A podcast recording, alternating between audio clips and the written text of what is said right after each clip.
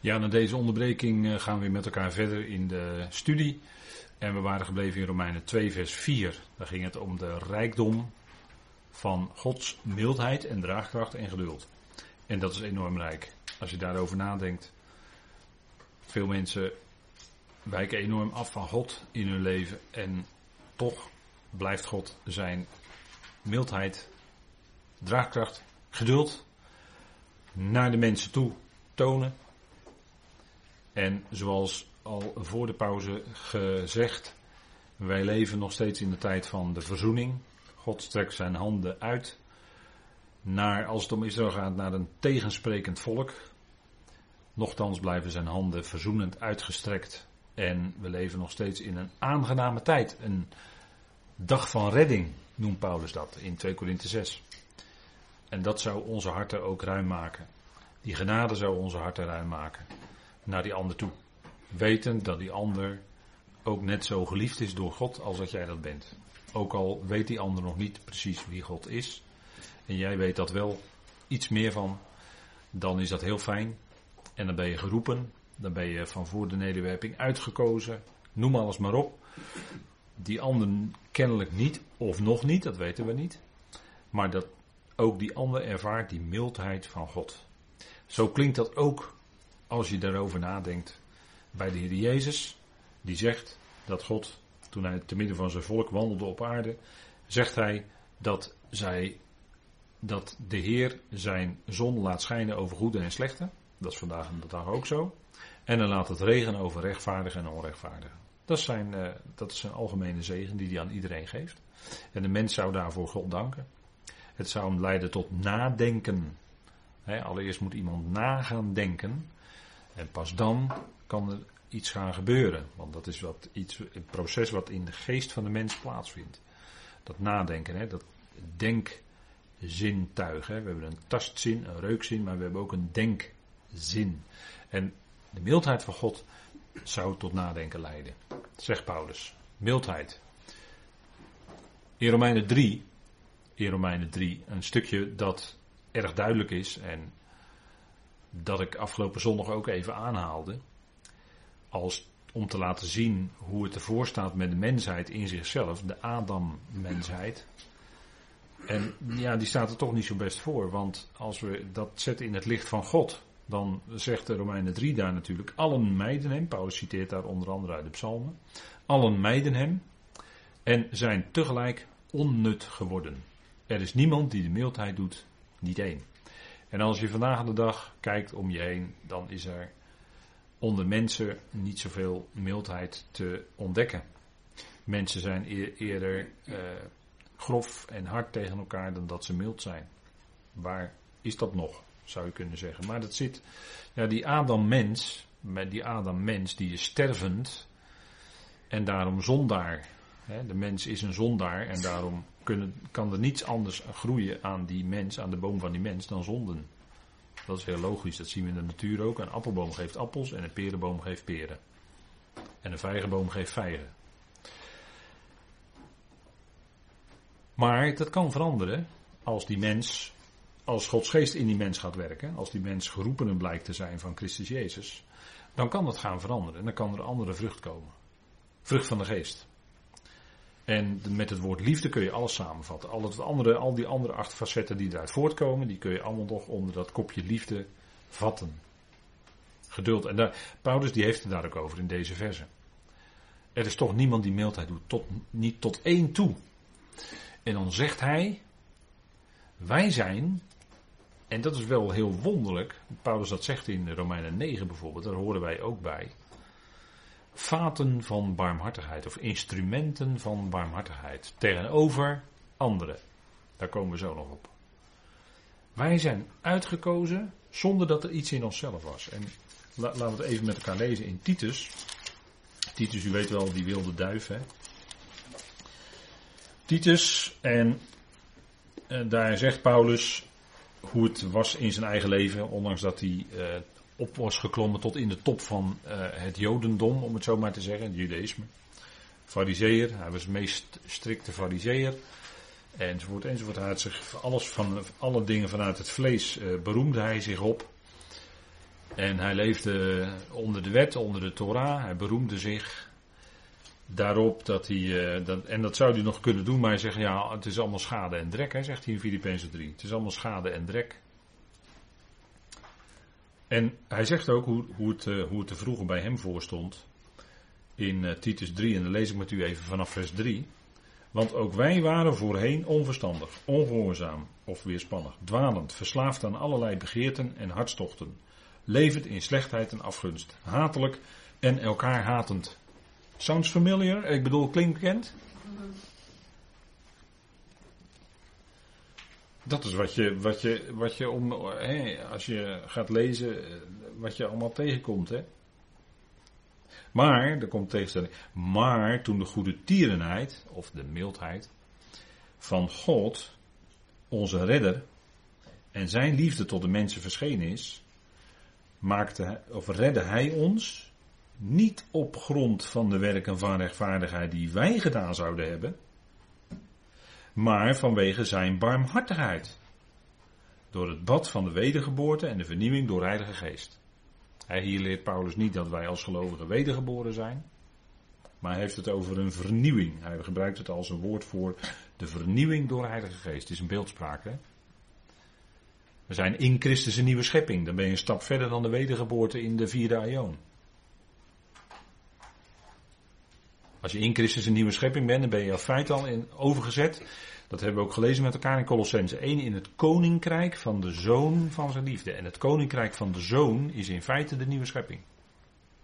Het koninkrijk van Christus is de vierde aion, is de wedergeboorte. Maar wij mogen erkennen dat wij in Christus al verder zijn. In feite al aan het eind van de einden van de eonen zijn in feite al over ons gekomen. Dus wij zijn al in feite geplaatst in die nieuwe schepping. En in feite al in de fase voorbij de tweede dood. Eigenlijk al hè, in Christus. En dus de term wedergeboorte is niet van toepassing op ons als gelovigen nu. De term wedergeboorte is van toepassing op het volk Israël in het komende koninkrijk. Dan is Israël wedergeboren.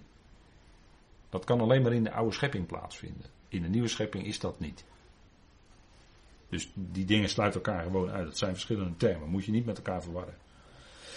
En zo zijn wij gered. Paulus zegt, niet op grond van de werken van rechtvaardigheid die wij gedaan zouden hebben. En bij Israël ging het, die streefde, zegt Paulus in Romeinen 9, naar de gerechtigheid uit de werken. Uit eigen werken. En dat was onder de Torah. Dat was onder de wet.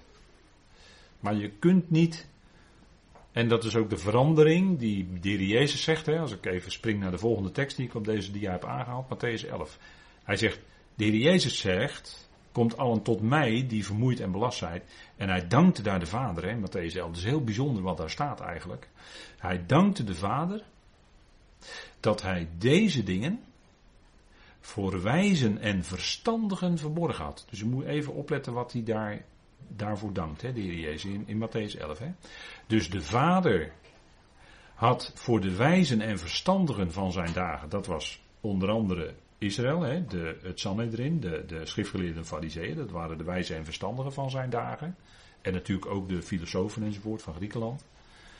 Maar vader had het voor wijzen en verstandigen verborgen. Dat is dus een werk wat vader doet. Die verbergt het doch aan de kinderen geopenbaard. En daar dankte de Heer Jezus voor. De Heer Jezus verborg het zelf niet. Nee, hij, hij dankt de Vader dat de Vader het verborg. Even goed, goed lezen, hè, Matthäus 11. En dan zegt hij tegen zijn volk: Komt allen tot mij die vermoeid en beladen zijt. Vermoeid van het steeds maar proberen te voldoen aan de wet. En je kan het niet, het lukt maar niet. En je wordt er zo moe van. En het moet elke keer maar weer. En het lukt elke keer maar weer niet. Je wordt er zo moe van. Daarom zegt de Heer Jezus ook: Mijn juk is mild. En mijn last is licht.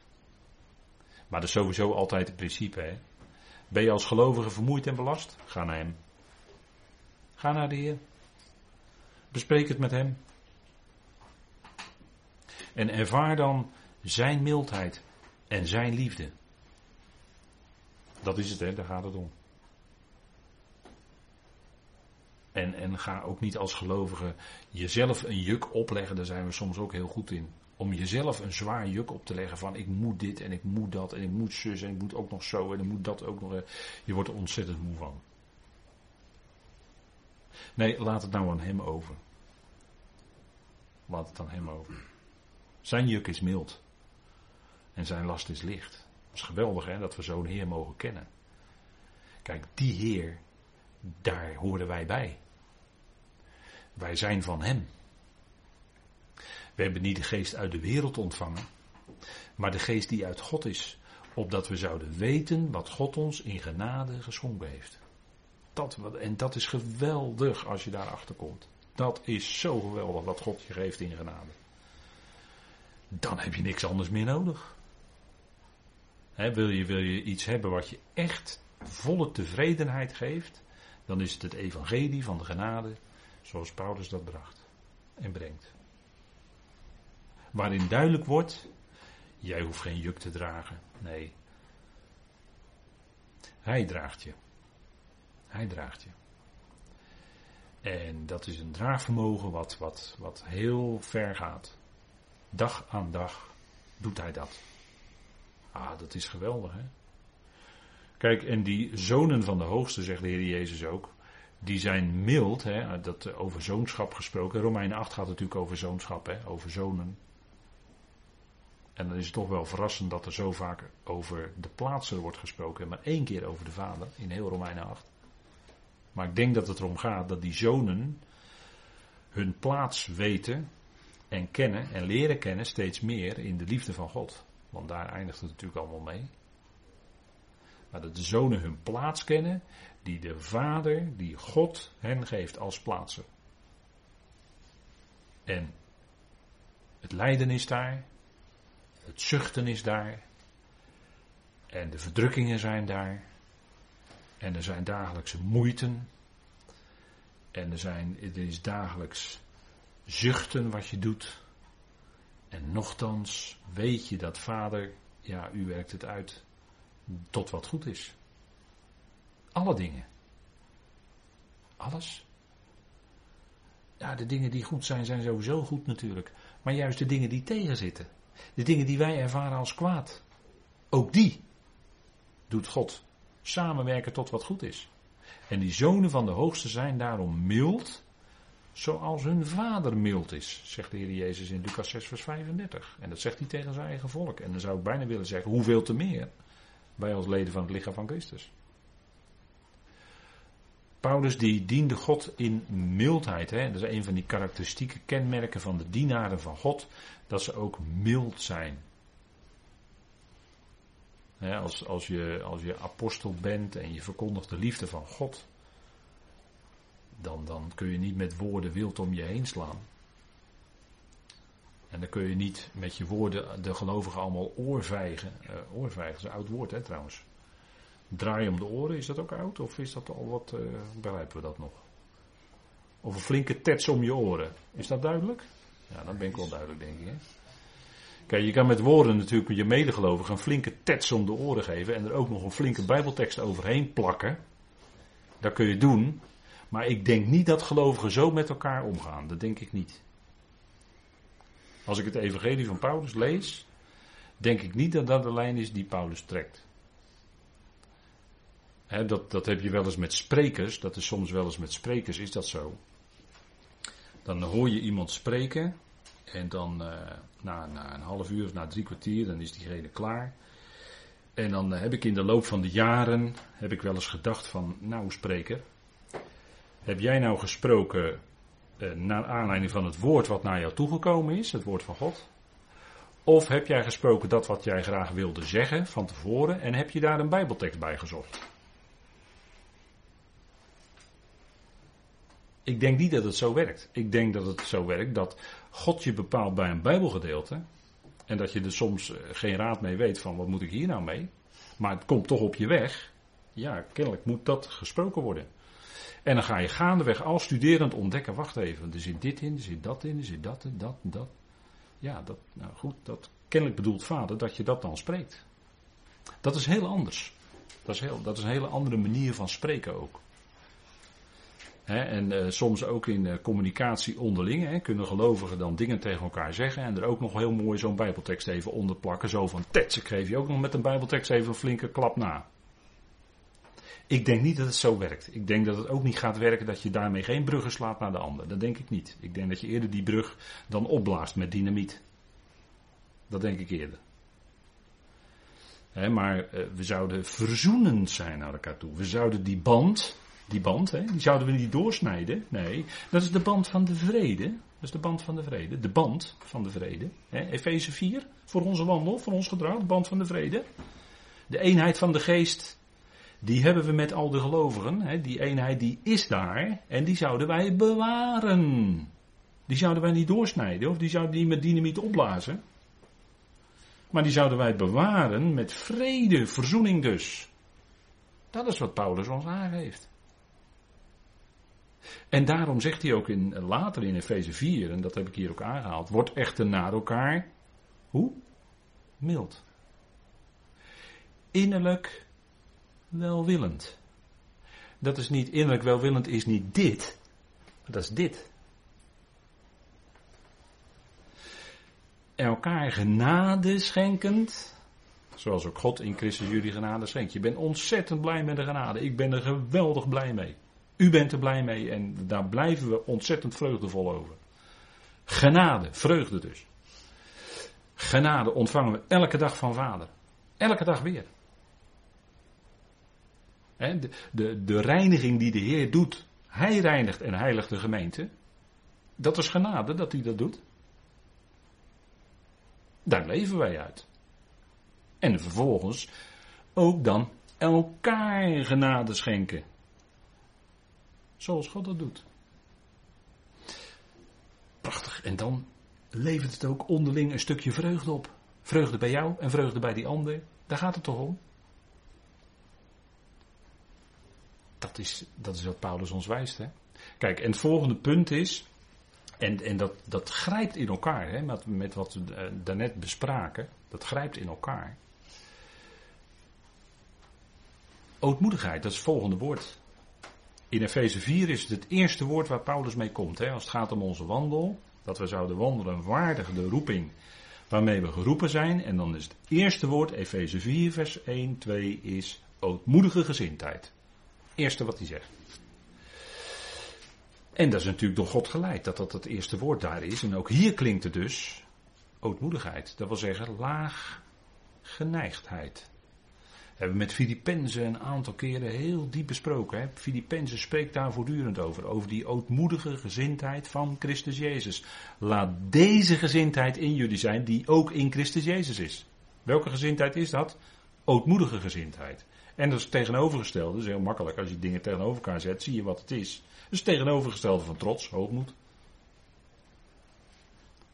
Nou, en trots, trots en hoogmoed is, uh, nou, ik druk jou naar beneden, want ik weet het toch beter dan jij. Dat is, dat is trots en hoogmoedigheid. En ootmoedigheid is een open houding hebben. Wat zegt God? Wat heb je te zeggen? Dat afwegen in het licht van Gods woord. En daarmee leven ootmoedigheid. Laag. Hè? Tapeinon in het Grieks. Dat betekent laag. Uh, Spreuken die zegt er ook iets over. En dat plaatje wat ik hier, eh, dat, poppetje wat ik erbij heb gezocht, is uh, wel toepasselijk. Met Spreuken 16, vers 18. Dat is een hele bekende. Dat kennen we wel uit het dagelijks leven natuurlijk. Spreuken 16, vers 18. En het is af en toe goed hoor om lekker in spreuken te lezen. Uh, jaarthema. Oh ja, jaarthema was ook spreuken. Ja, dat waren ook. Maar het is best, uh, best fijn om uh, zo de dag eens te beginnen met een paar spreuken. Dan word je weer even goed bij de. Dan ben je gelijk weer goed bij de les, om het zo maar te zeggen. spreuken 16, vers 18 staat: Trots komt voor de ondergang. Of voor, de, voor het afbreken.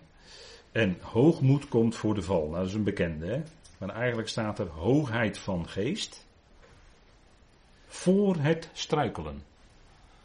Dus iemand die kan, die kan denken van nou, is allemaal prima voor elkaar, het gaat allemaal goed, dakkie en uh, ik heb, kijk mij eens, ik heb het allemaal goed voor elkaar. En ineens, en ineens doet God dit in het leven en het zakt allemaal in elkaar.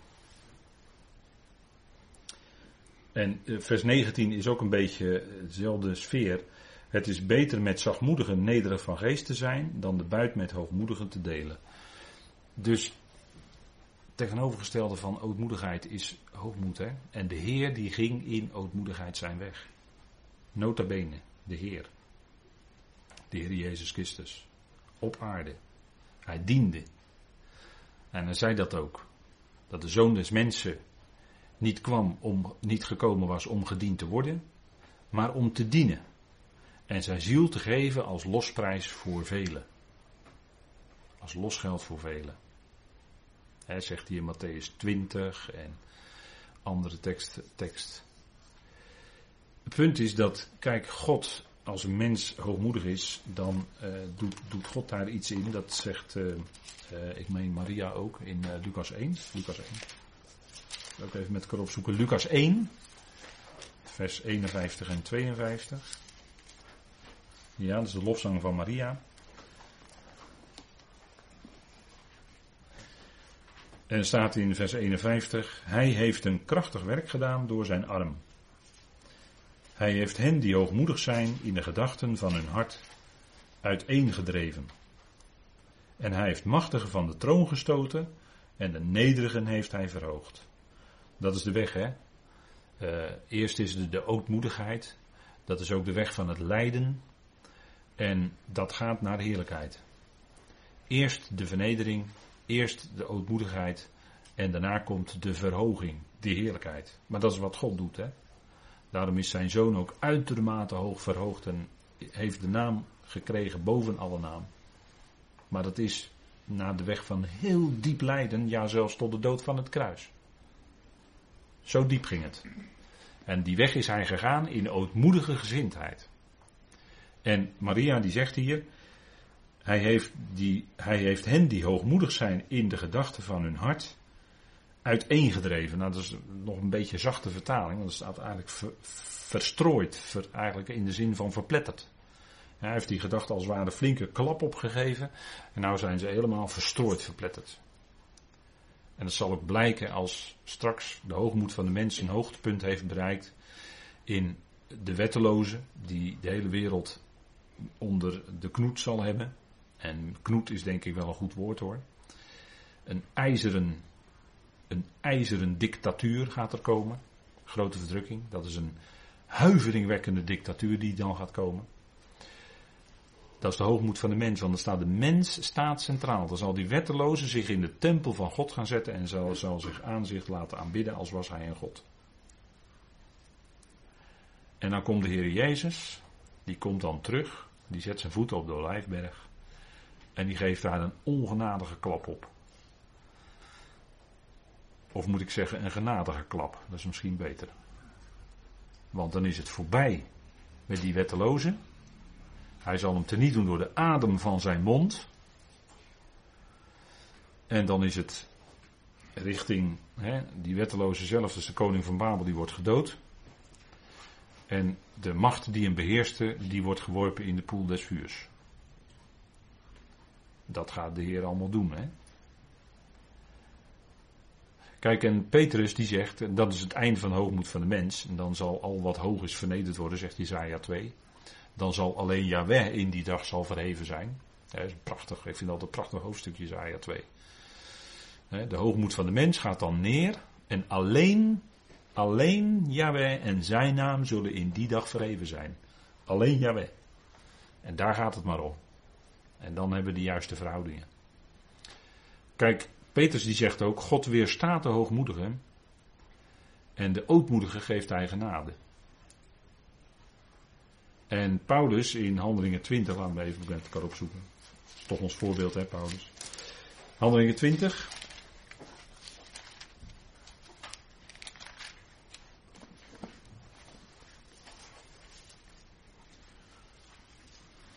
Dan ontmoet hij, dan heeft hij de oudste van Efeze bij zich geroepen.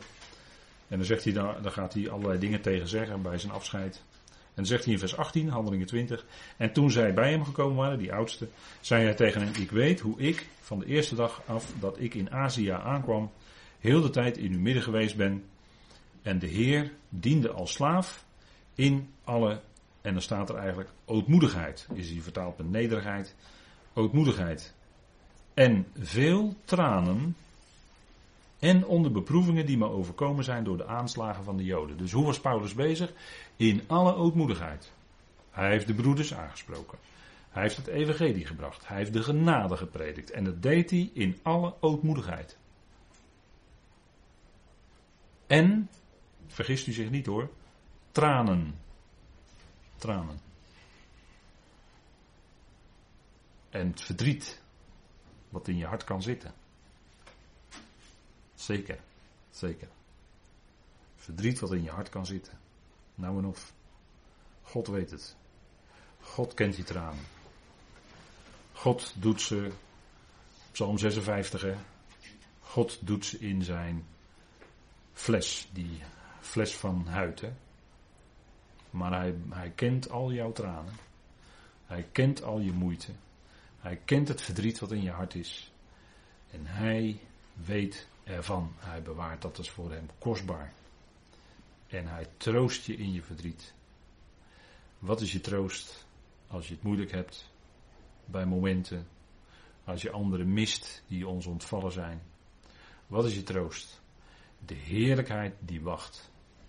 Wat is je troost? Dat je beseft dat God al jouw tranen kent. Je hebt tranen over degenen die jou lief zijn. Je hebt tranen over je kinderen. Je hebt tranen over je kleinkinderen. Noem maar op. Je hebt tranen over mede-gemeenteleden. God kent ze.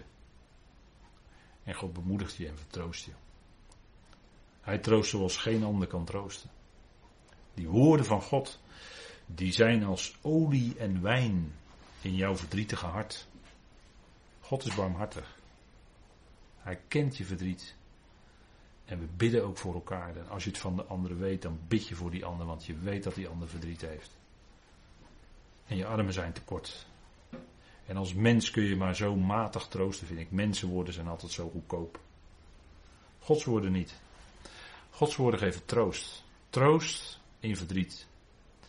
En als je verdriet hebt, dan zijn daar die woorden van God die zo helend en zo genezend werken in jouw hart.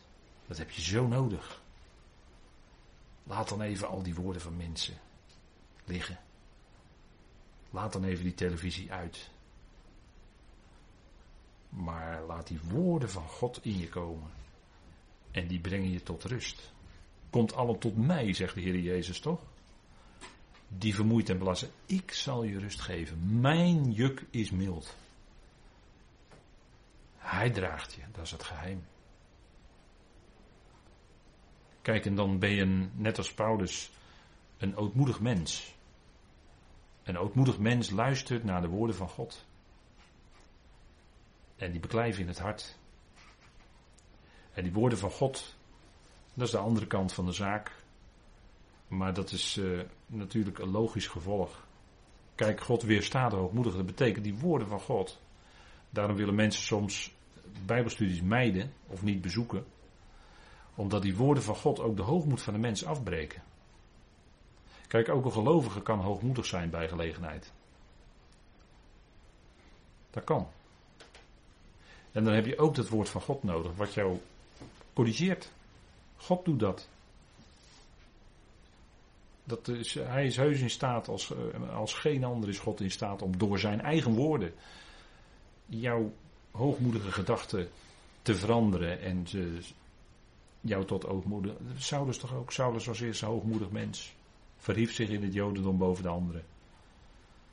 Had zich kunnen beroemen op alles wat hij was. Maar hij zegt alles schade en drek. Het gaat me om de kennis van Christus Jezus, mijn Heer. Dat is veel belangrijker dan al het andere. Kruis is zo ongelooflijk belangrijk. Hè? En ik hoorde vandaag iemand een, een goede Bijbel uitleggen. En die zei: Kijk, ehm, weet je wat je doet als je als gelovige nog onder de wet gaat leven? Dan uh, zeg je eigenlijk, dan ben je eigenlijk, en die, die uitlegger die zei dat heel stellig. Die zei eigenlijk, kijk, iedereen die als gelovige onder de wet gaat leven, die is in feite een vijand van het kruis van Christus. Niet de vijand van Christus, maar een vijand van het kruis van Christus. Moet even goed opletten. Hè? Er staat ook in Filippenzen 3. Waarom? Als jij als gelovige zelf nog gaat proberen aan die wet te voldoen, dan zeg jij in feite daarmee dat je het kruis niet nodig hebt. Maar dat je het zelf wil doen. Maar ga je erkennen steeds meer dat dat kruis werkelijk een einde heeft gemaakt aan jouzelf, in jouzelf als mens en jouw vlees dus ook. He, afgesneden. Afgesneden. Colossense 2. Afgesneden. De afsnijding van Christus is ook onze afsnijding. Dat is vlees. Het lichaam des vleeses wordt in Colossense 2 over gesproken, vers 10 tot 12. Dat wij het lichaam des vleeses afstropen in de besnijdenis van Christus. Dat is een prachtige beeldspraak. Maar het duidt aan dat al dat vlees is afgesneden op Golgotha. En op het moment dat jij vanuit jezelf, dus vanuit jouw eigen vlees, heel vroom, toch weer aan die wet wil proberen te voldoen, dan zeg je eigenlijk dat het kruis niet geweest is of dat je het niet nodig hebt. En vandaar, want ik, ik heb daar vandaag een tijdje over nagedacht, wat die uitlegger zei. En, en na, op een gegeven moment dacht ik van ja, ik, ik, ja, dat, ja, eigenlijk kan je niet anders dan die conclusie trekken. Paulus had het in zijn dagen over de vijanden van het kruis. En daar had hij tranen over. Daar, daar had hij tranen over. Filippenzen 3, we hebben het over tranen. Dat hij, dat hij de, de, de, de oudste daar tegen de oudste zegt hier in, in, in uh, Handelingen 20. Tranen. Tranen over de vijanden van het kruis in Filippenzen 3. Het zit zo diep in de mens om religieus bezig te willen zijn. Om dat kruis te willen passeren. Nee, elke keer weer komt Paulus in zijn brieven daarop terug. De werking van het kruis. Dat is ongelooflijk belangrijk. En dus ook hier met het afleggen van die oude mensen en het aandoen van die nieuwe mensen heeft alles te maken met de uitwerking van het kruis. Daar kun je niet omheen. Dat is heel wezenlijk. Daar draait Gods plan van een om. Wat daar gebeurd is, dat is alles beslissend geweest. En dank God dat het zo is. Dank God dat het al 2000 jaar geleden gebeurd is. Paulus in alle ootmoedigheid. Ja, ootmoedige gezindheid is ook een uitwerking, een doorwerking van de boodschap van het kruis. Het woord van het kruis in jouw leven. En zachtmoedigheid, dat is ook zo'n facet, hè? Dat is ook zo'n stukje vrucht. Hè? Dat is het tegendeel van Colossense 3, vers 8 en 9. En uh, ja, we vergeten zo snel, hè? Even, even lezen. Zachtmoedigheid is het tegengestelde van wat Paulus zegt in Colossense 3, vers 8 en 9. Gaan we even kijken wat er in vers 8 en 9 staat. Legt ook jullie dit alles af. Toren, gramschap, kwaadaardigheid, lastering en vuile tuil uit jullie mond. Lieg niet tegen elkaar. Afstropen de oude mens. Heb je dat afstropen weer? Met haar praktijken. Dat is dus, dit is het tegendeel, vers 8 en 9, is het tegendeel van zachtmoedigheid. Heb je het even weer het contrast, hè? En zegt Paulus tegen ons: Jij echter, o mens van God, zegt hij ook tegen Timotheus, hè, maar jij echter, o mens van God, ontvlucht al deze dingen en jaag naar rechtvaardigheid, de godsvrucht, het geloof, de liefde, de volharding en zachtmoedigheid, daar heb je het weer, in lijden. Dat is de enige keer dat die uitdrukking in de schrift wordt gebruikt. Zachtmoedigheid in lijden. dat is, uh, lijden heeft te maken vanuit het grondwoord met passie lijden. Je kunt lijden onder allerlei dingen. En je kunt ook lijden onder wat medegelovigen zelfs jou aandoen. Daar kun je onder lijden. En dat kan heel, helemaal in stilte zijn, want het gaat niet aan om natuurlijk terug te reageren naar die anderen op dezelfde manier.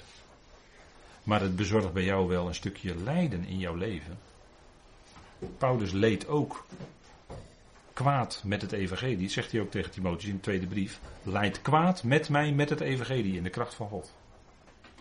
En zegt hier, zachtmoedigheid in lijden.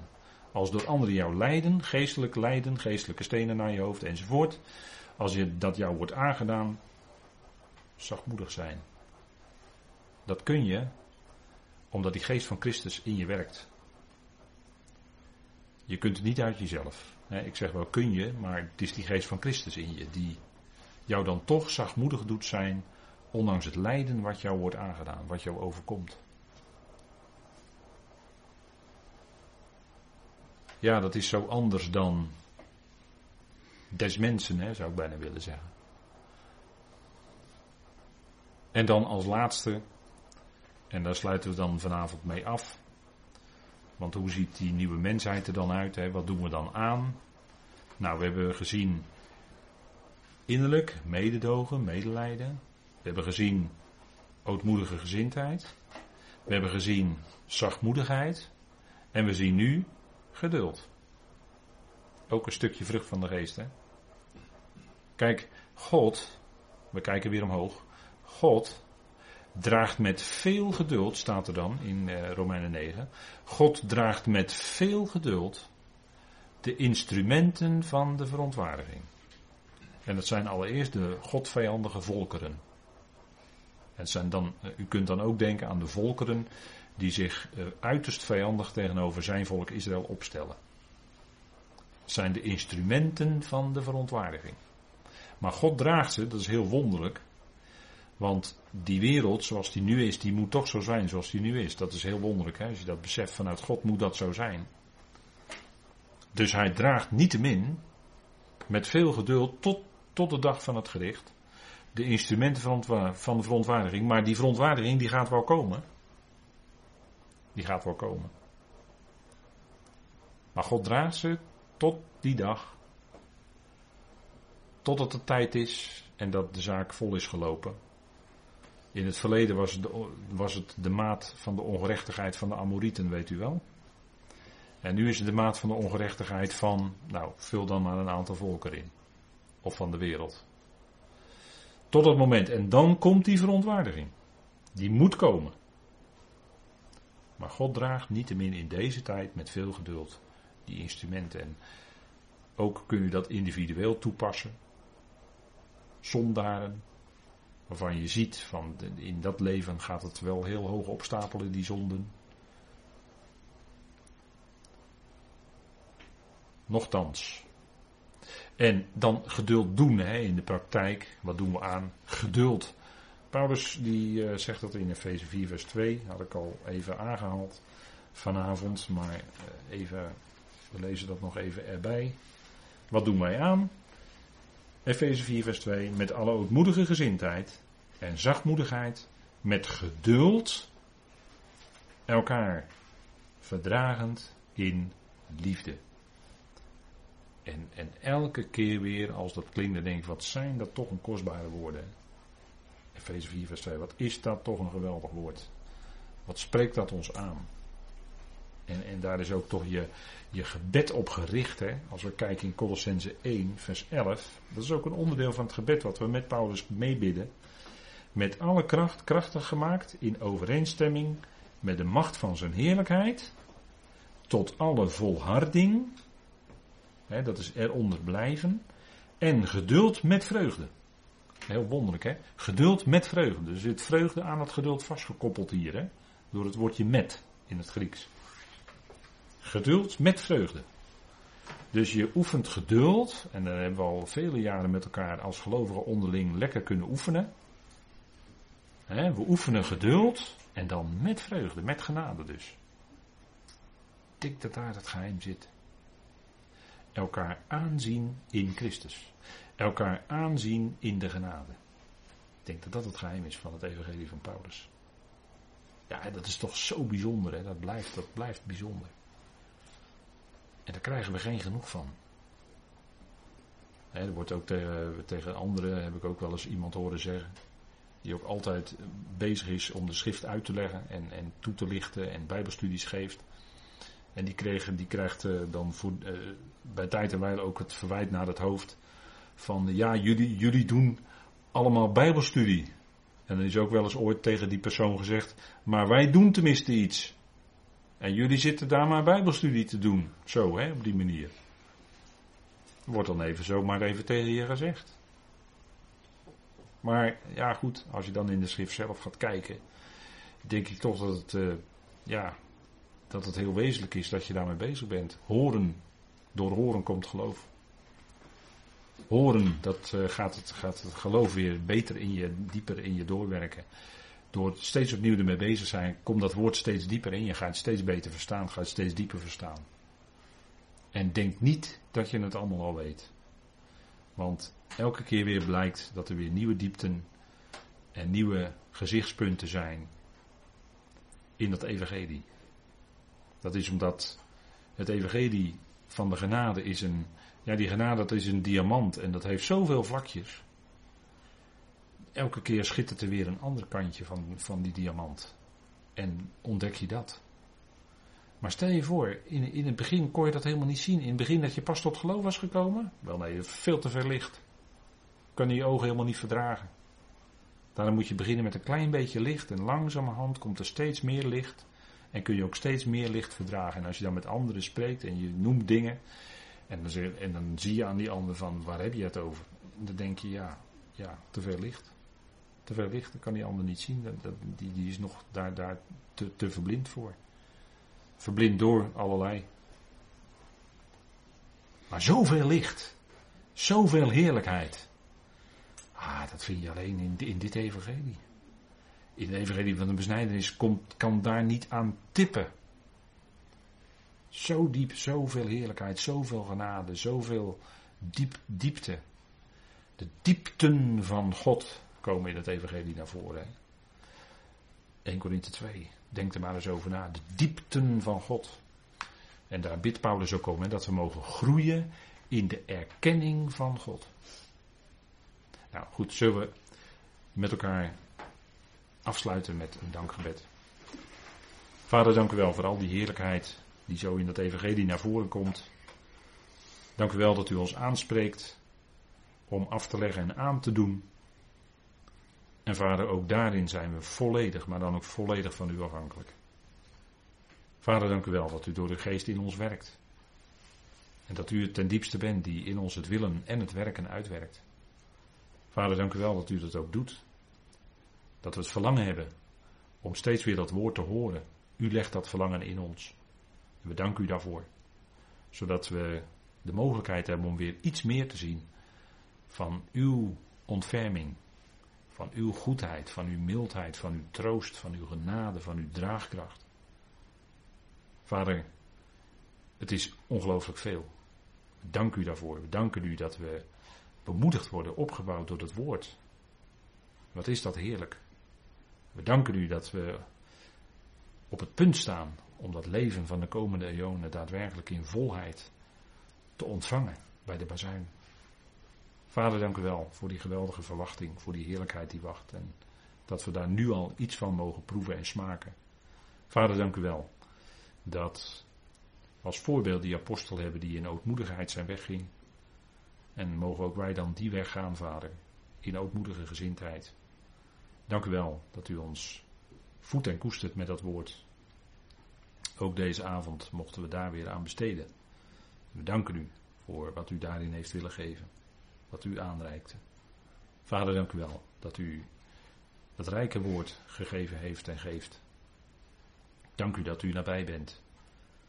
U bent nabij, Heer, bij hen die moeite, lijden en verdrukkingen meemaken, lichamelijk lijden. En misschien in verzorgingshuis zijn opgenomen. Wat een moeilijk moment is. En wat pijn en verdriet met zich meebrengt. Vader, wilt u daarin genadig nabij zijn. En dank u wel dat u dat ook doet, dat u draagt. Bid u voor hen die ziek, ernstig ziek zijn in ons midden. U kent ze. Bid ook voor hen die verdriet hebben. En het gemis voelen van een dierbare die ontvallen is recentelijk of misschien al iets langer geleden. Vader, wees ook daarin nabij. En dank u wel dat we moed en kracht en vreugde hebben met elkaar. We danken u daarvoor. We danken u voor uw liefde en trouw. En dank u dat u met uw volk Israël bent, wat in nood en de drugs is en nu weer in oorlogshandelingen verwikkeld is. En er allerlei vreselijke zaken op en afgeschoten worden. Vader, wij zijn genadig nabij. En dank u dat u soms ook heel wonderlijk bewaart. Vader, bid u en werkt u het uit en we danken u dat u dat ook doet. Dat u hen ook zal verlossen. Vader, we danken u dat we zo mogen opzien naar u en ook de komende dagen mogen weten dat u nabij bent, dat u met ons meegaat in alles. We danken u daarvoor. In die machtige naam van uw geliefde Zoon, onze Heer, Christus Jezus. Amen.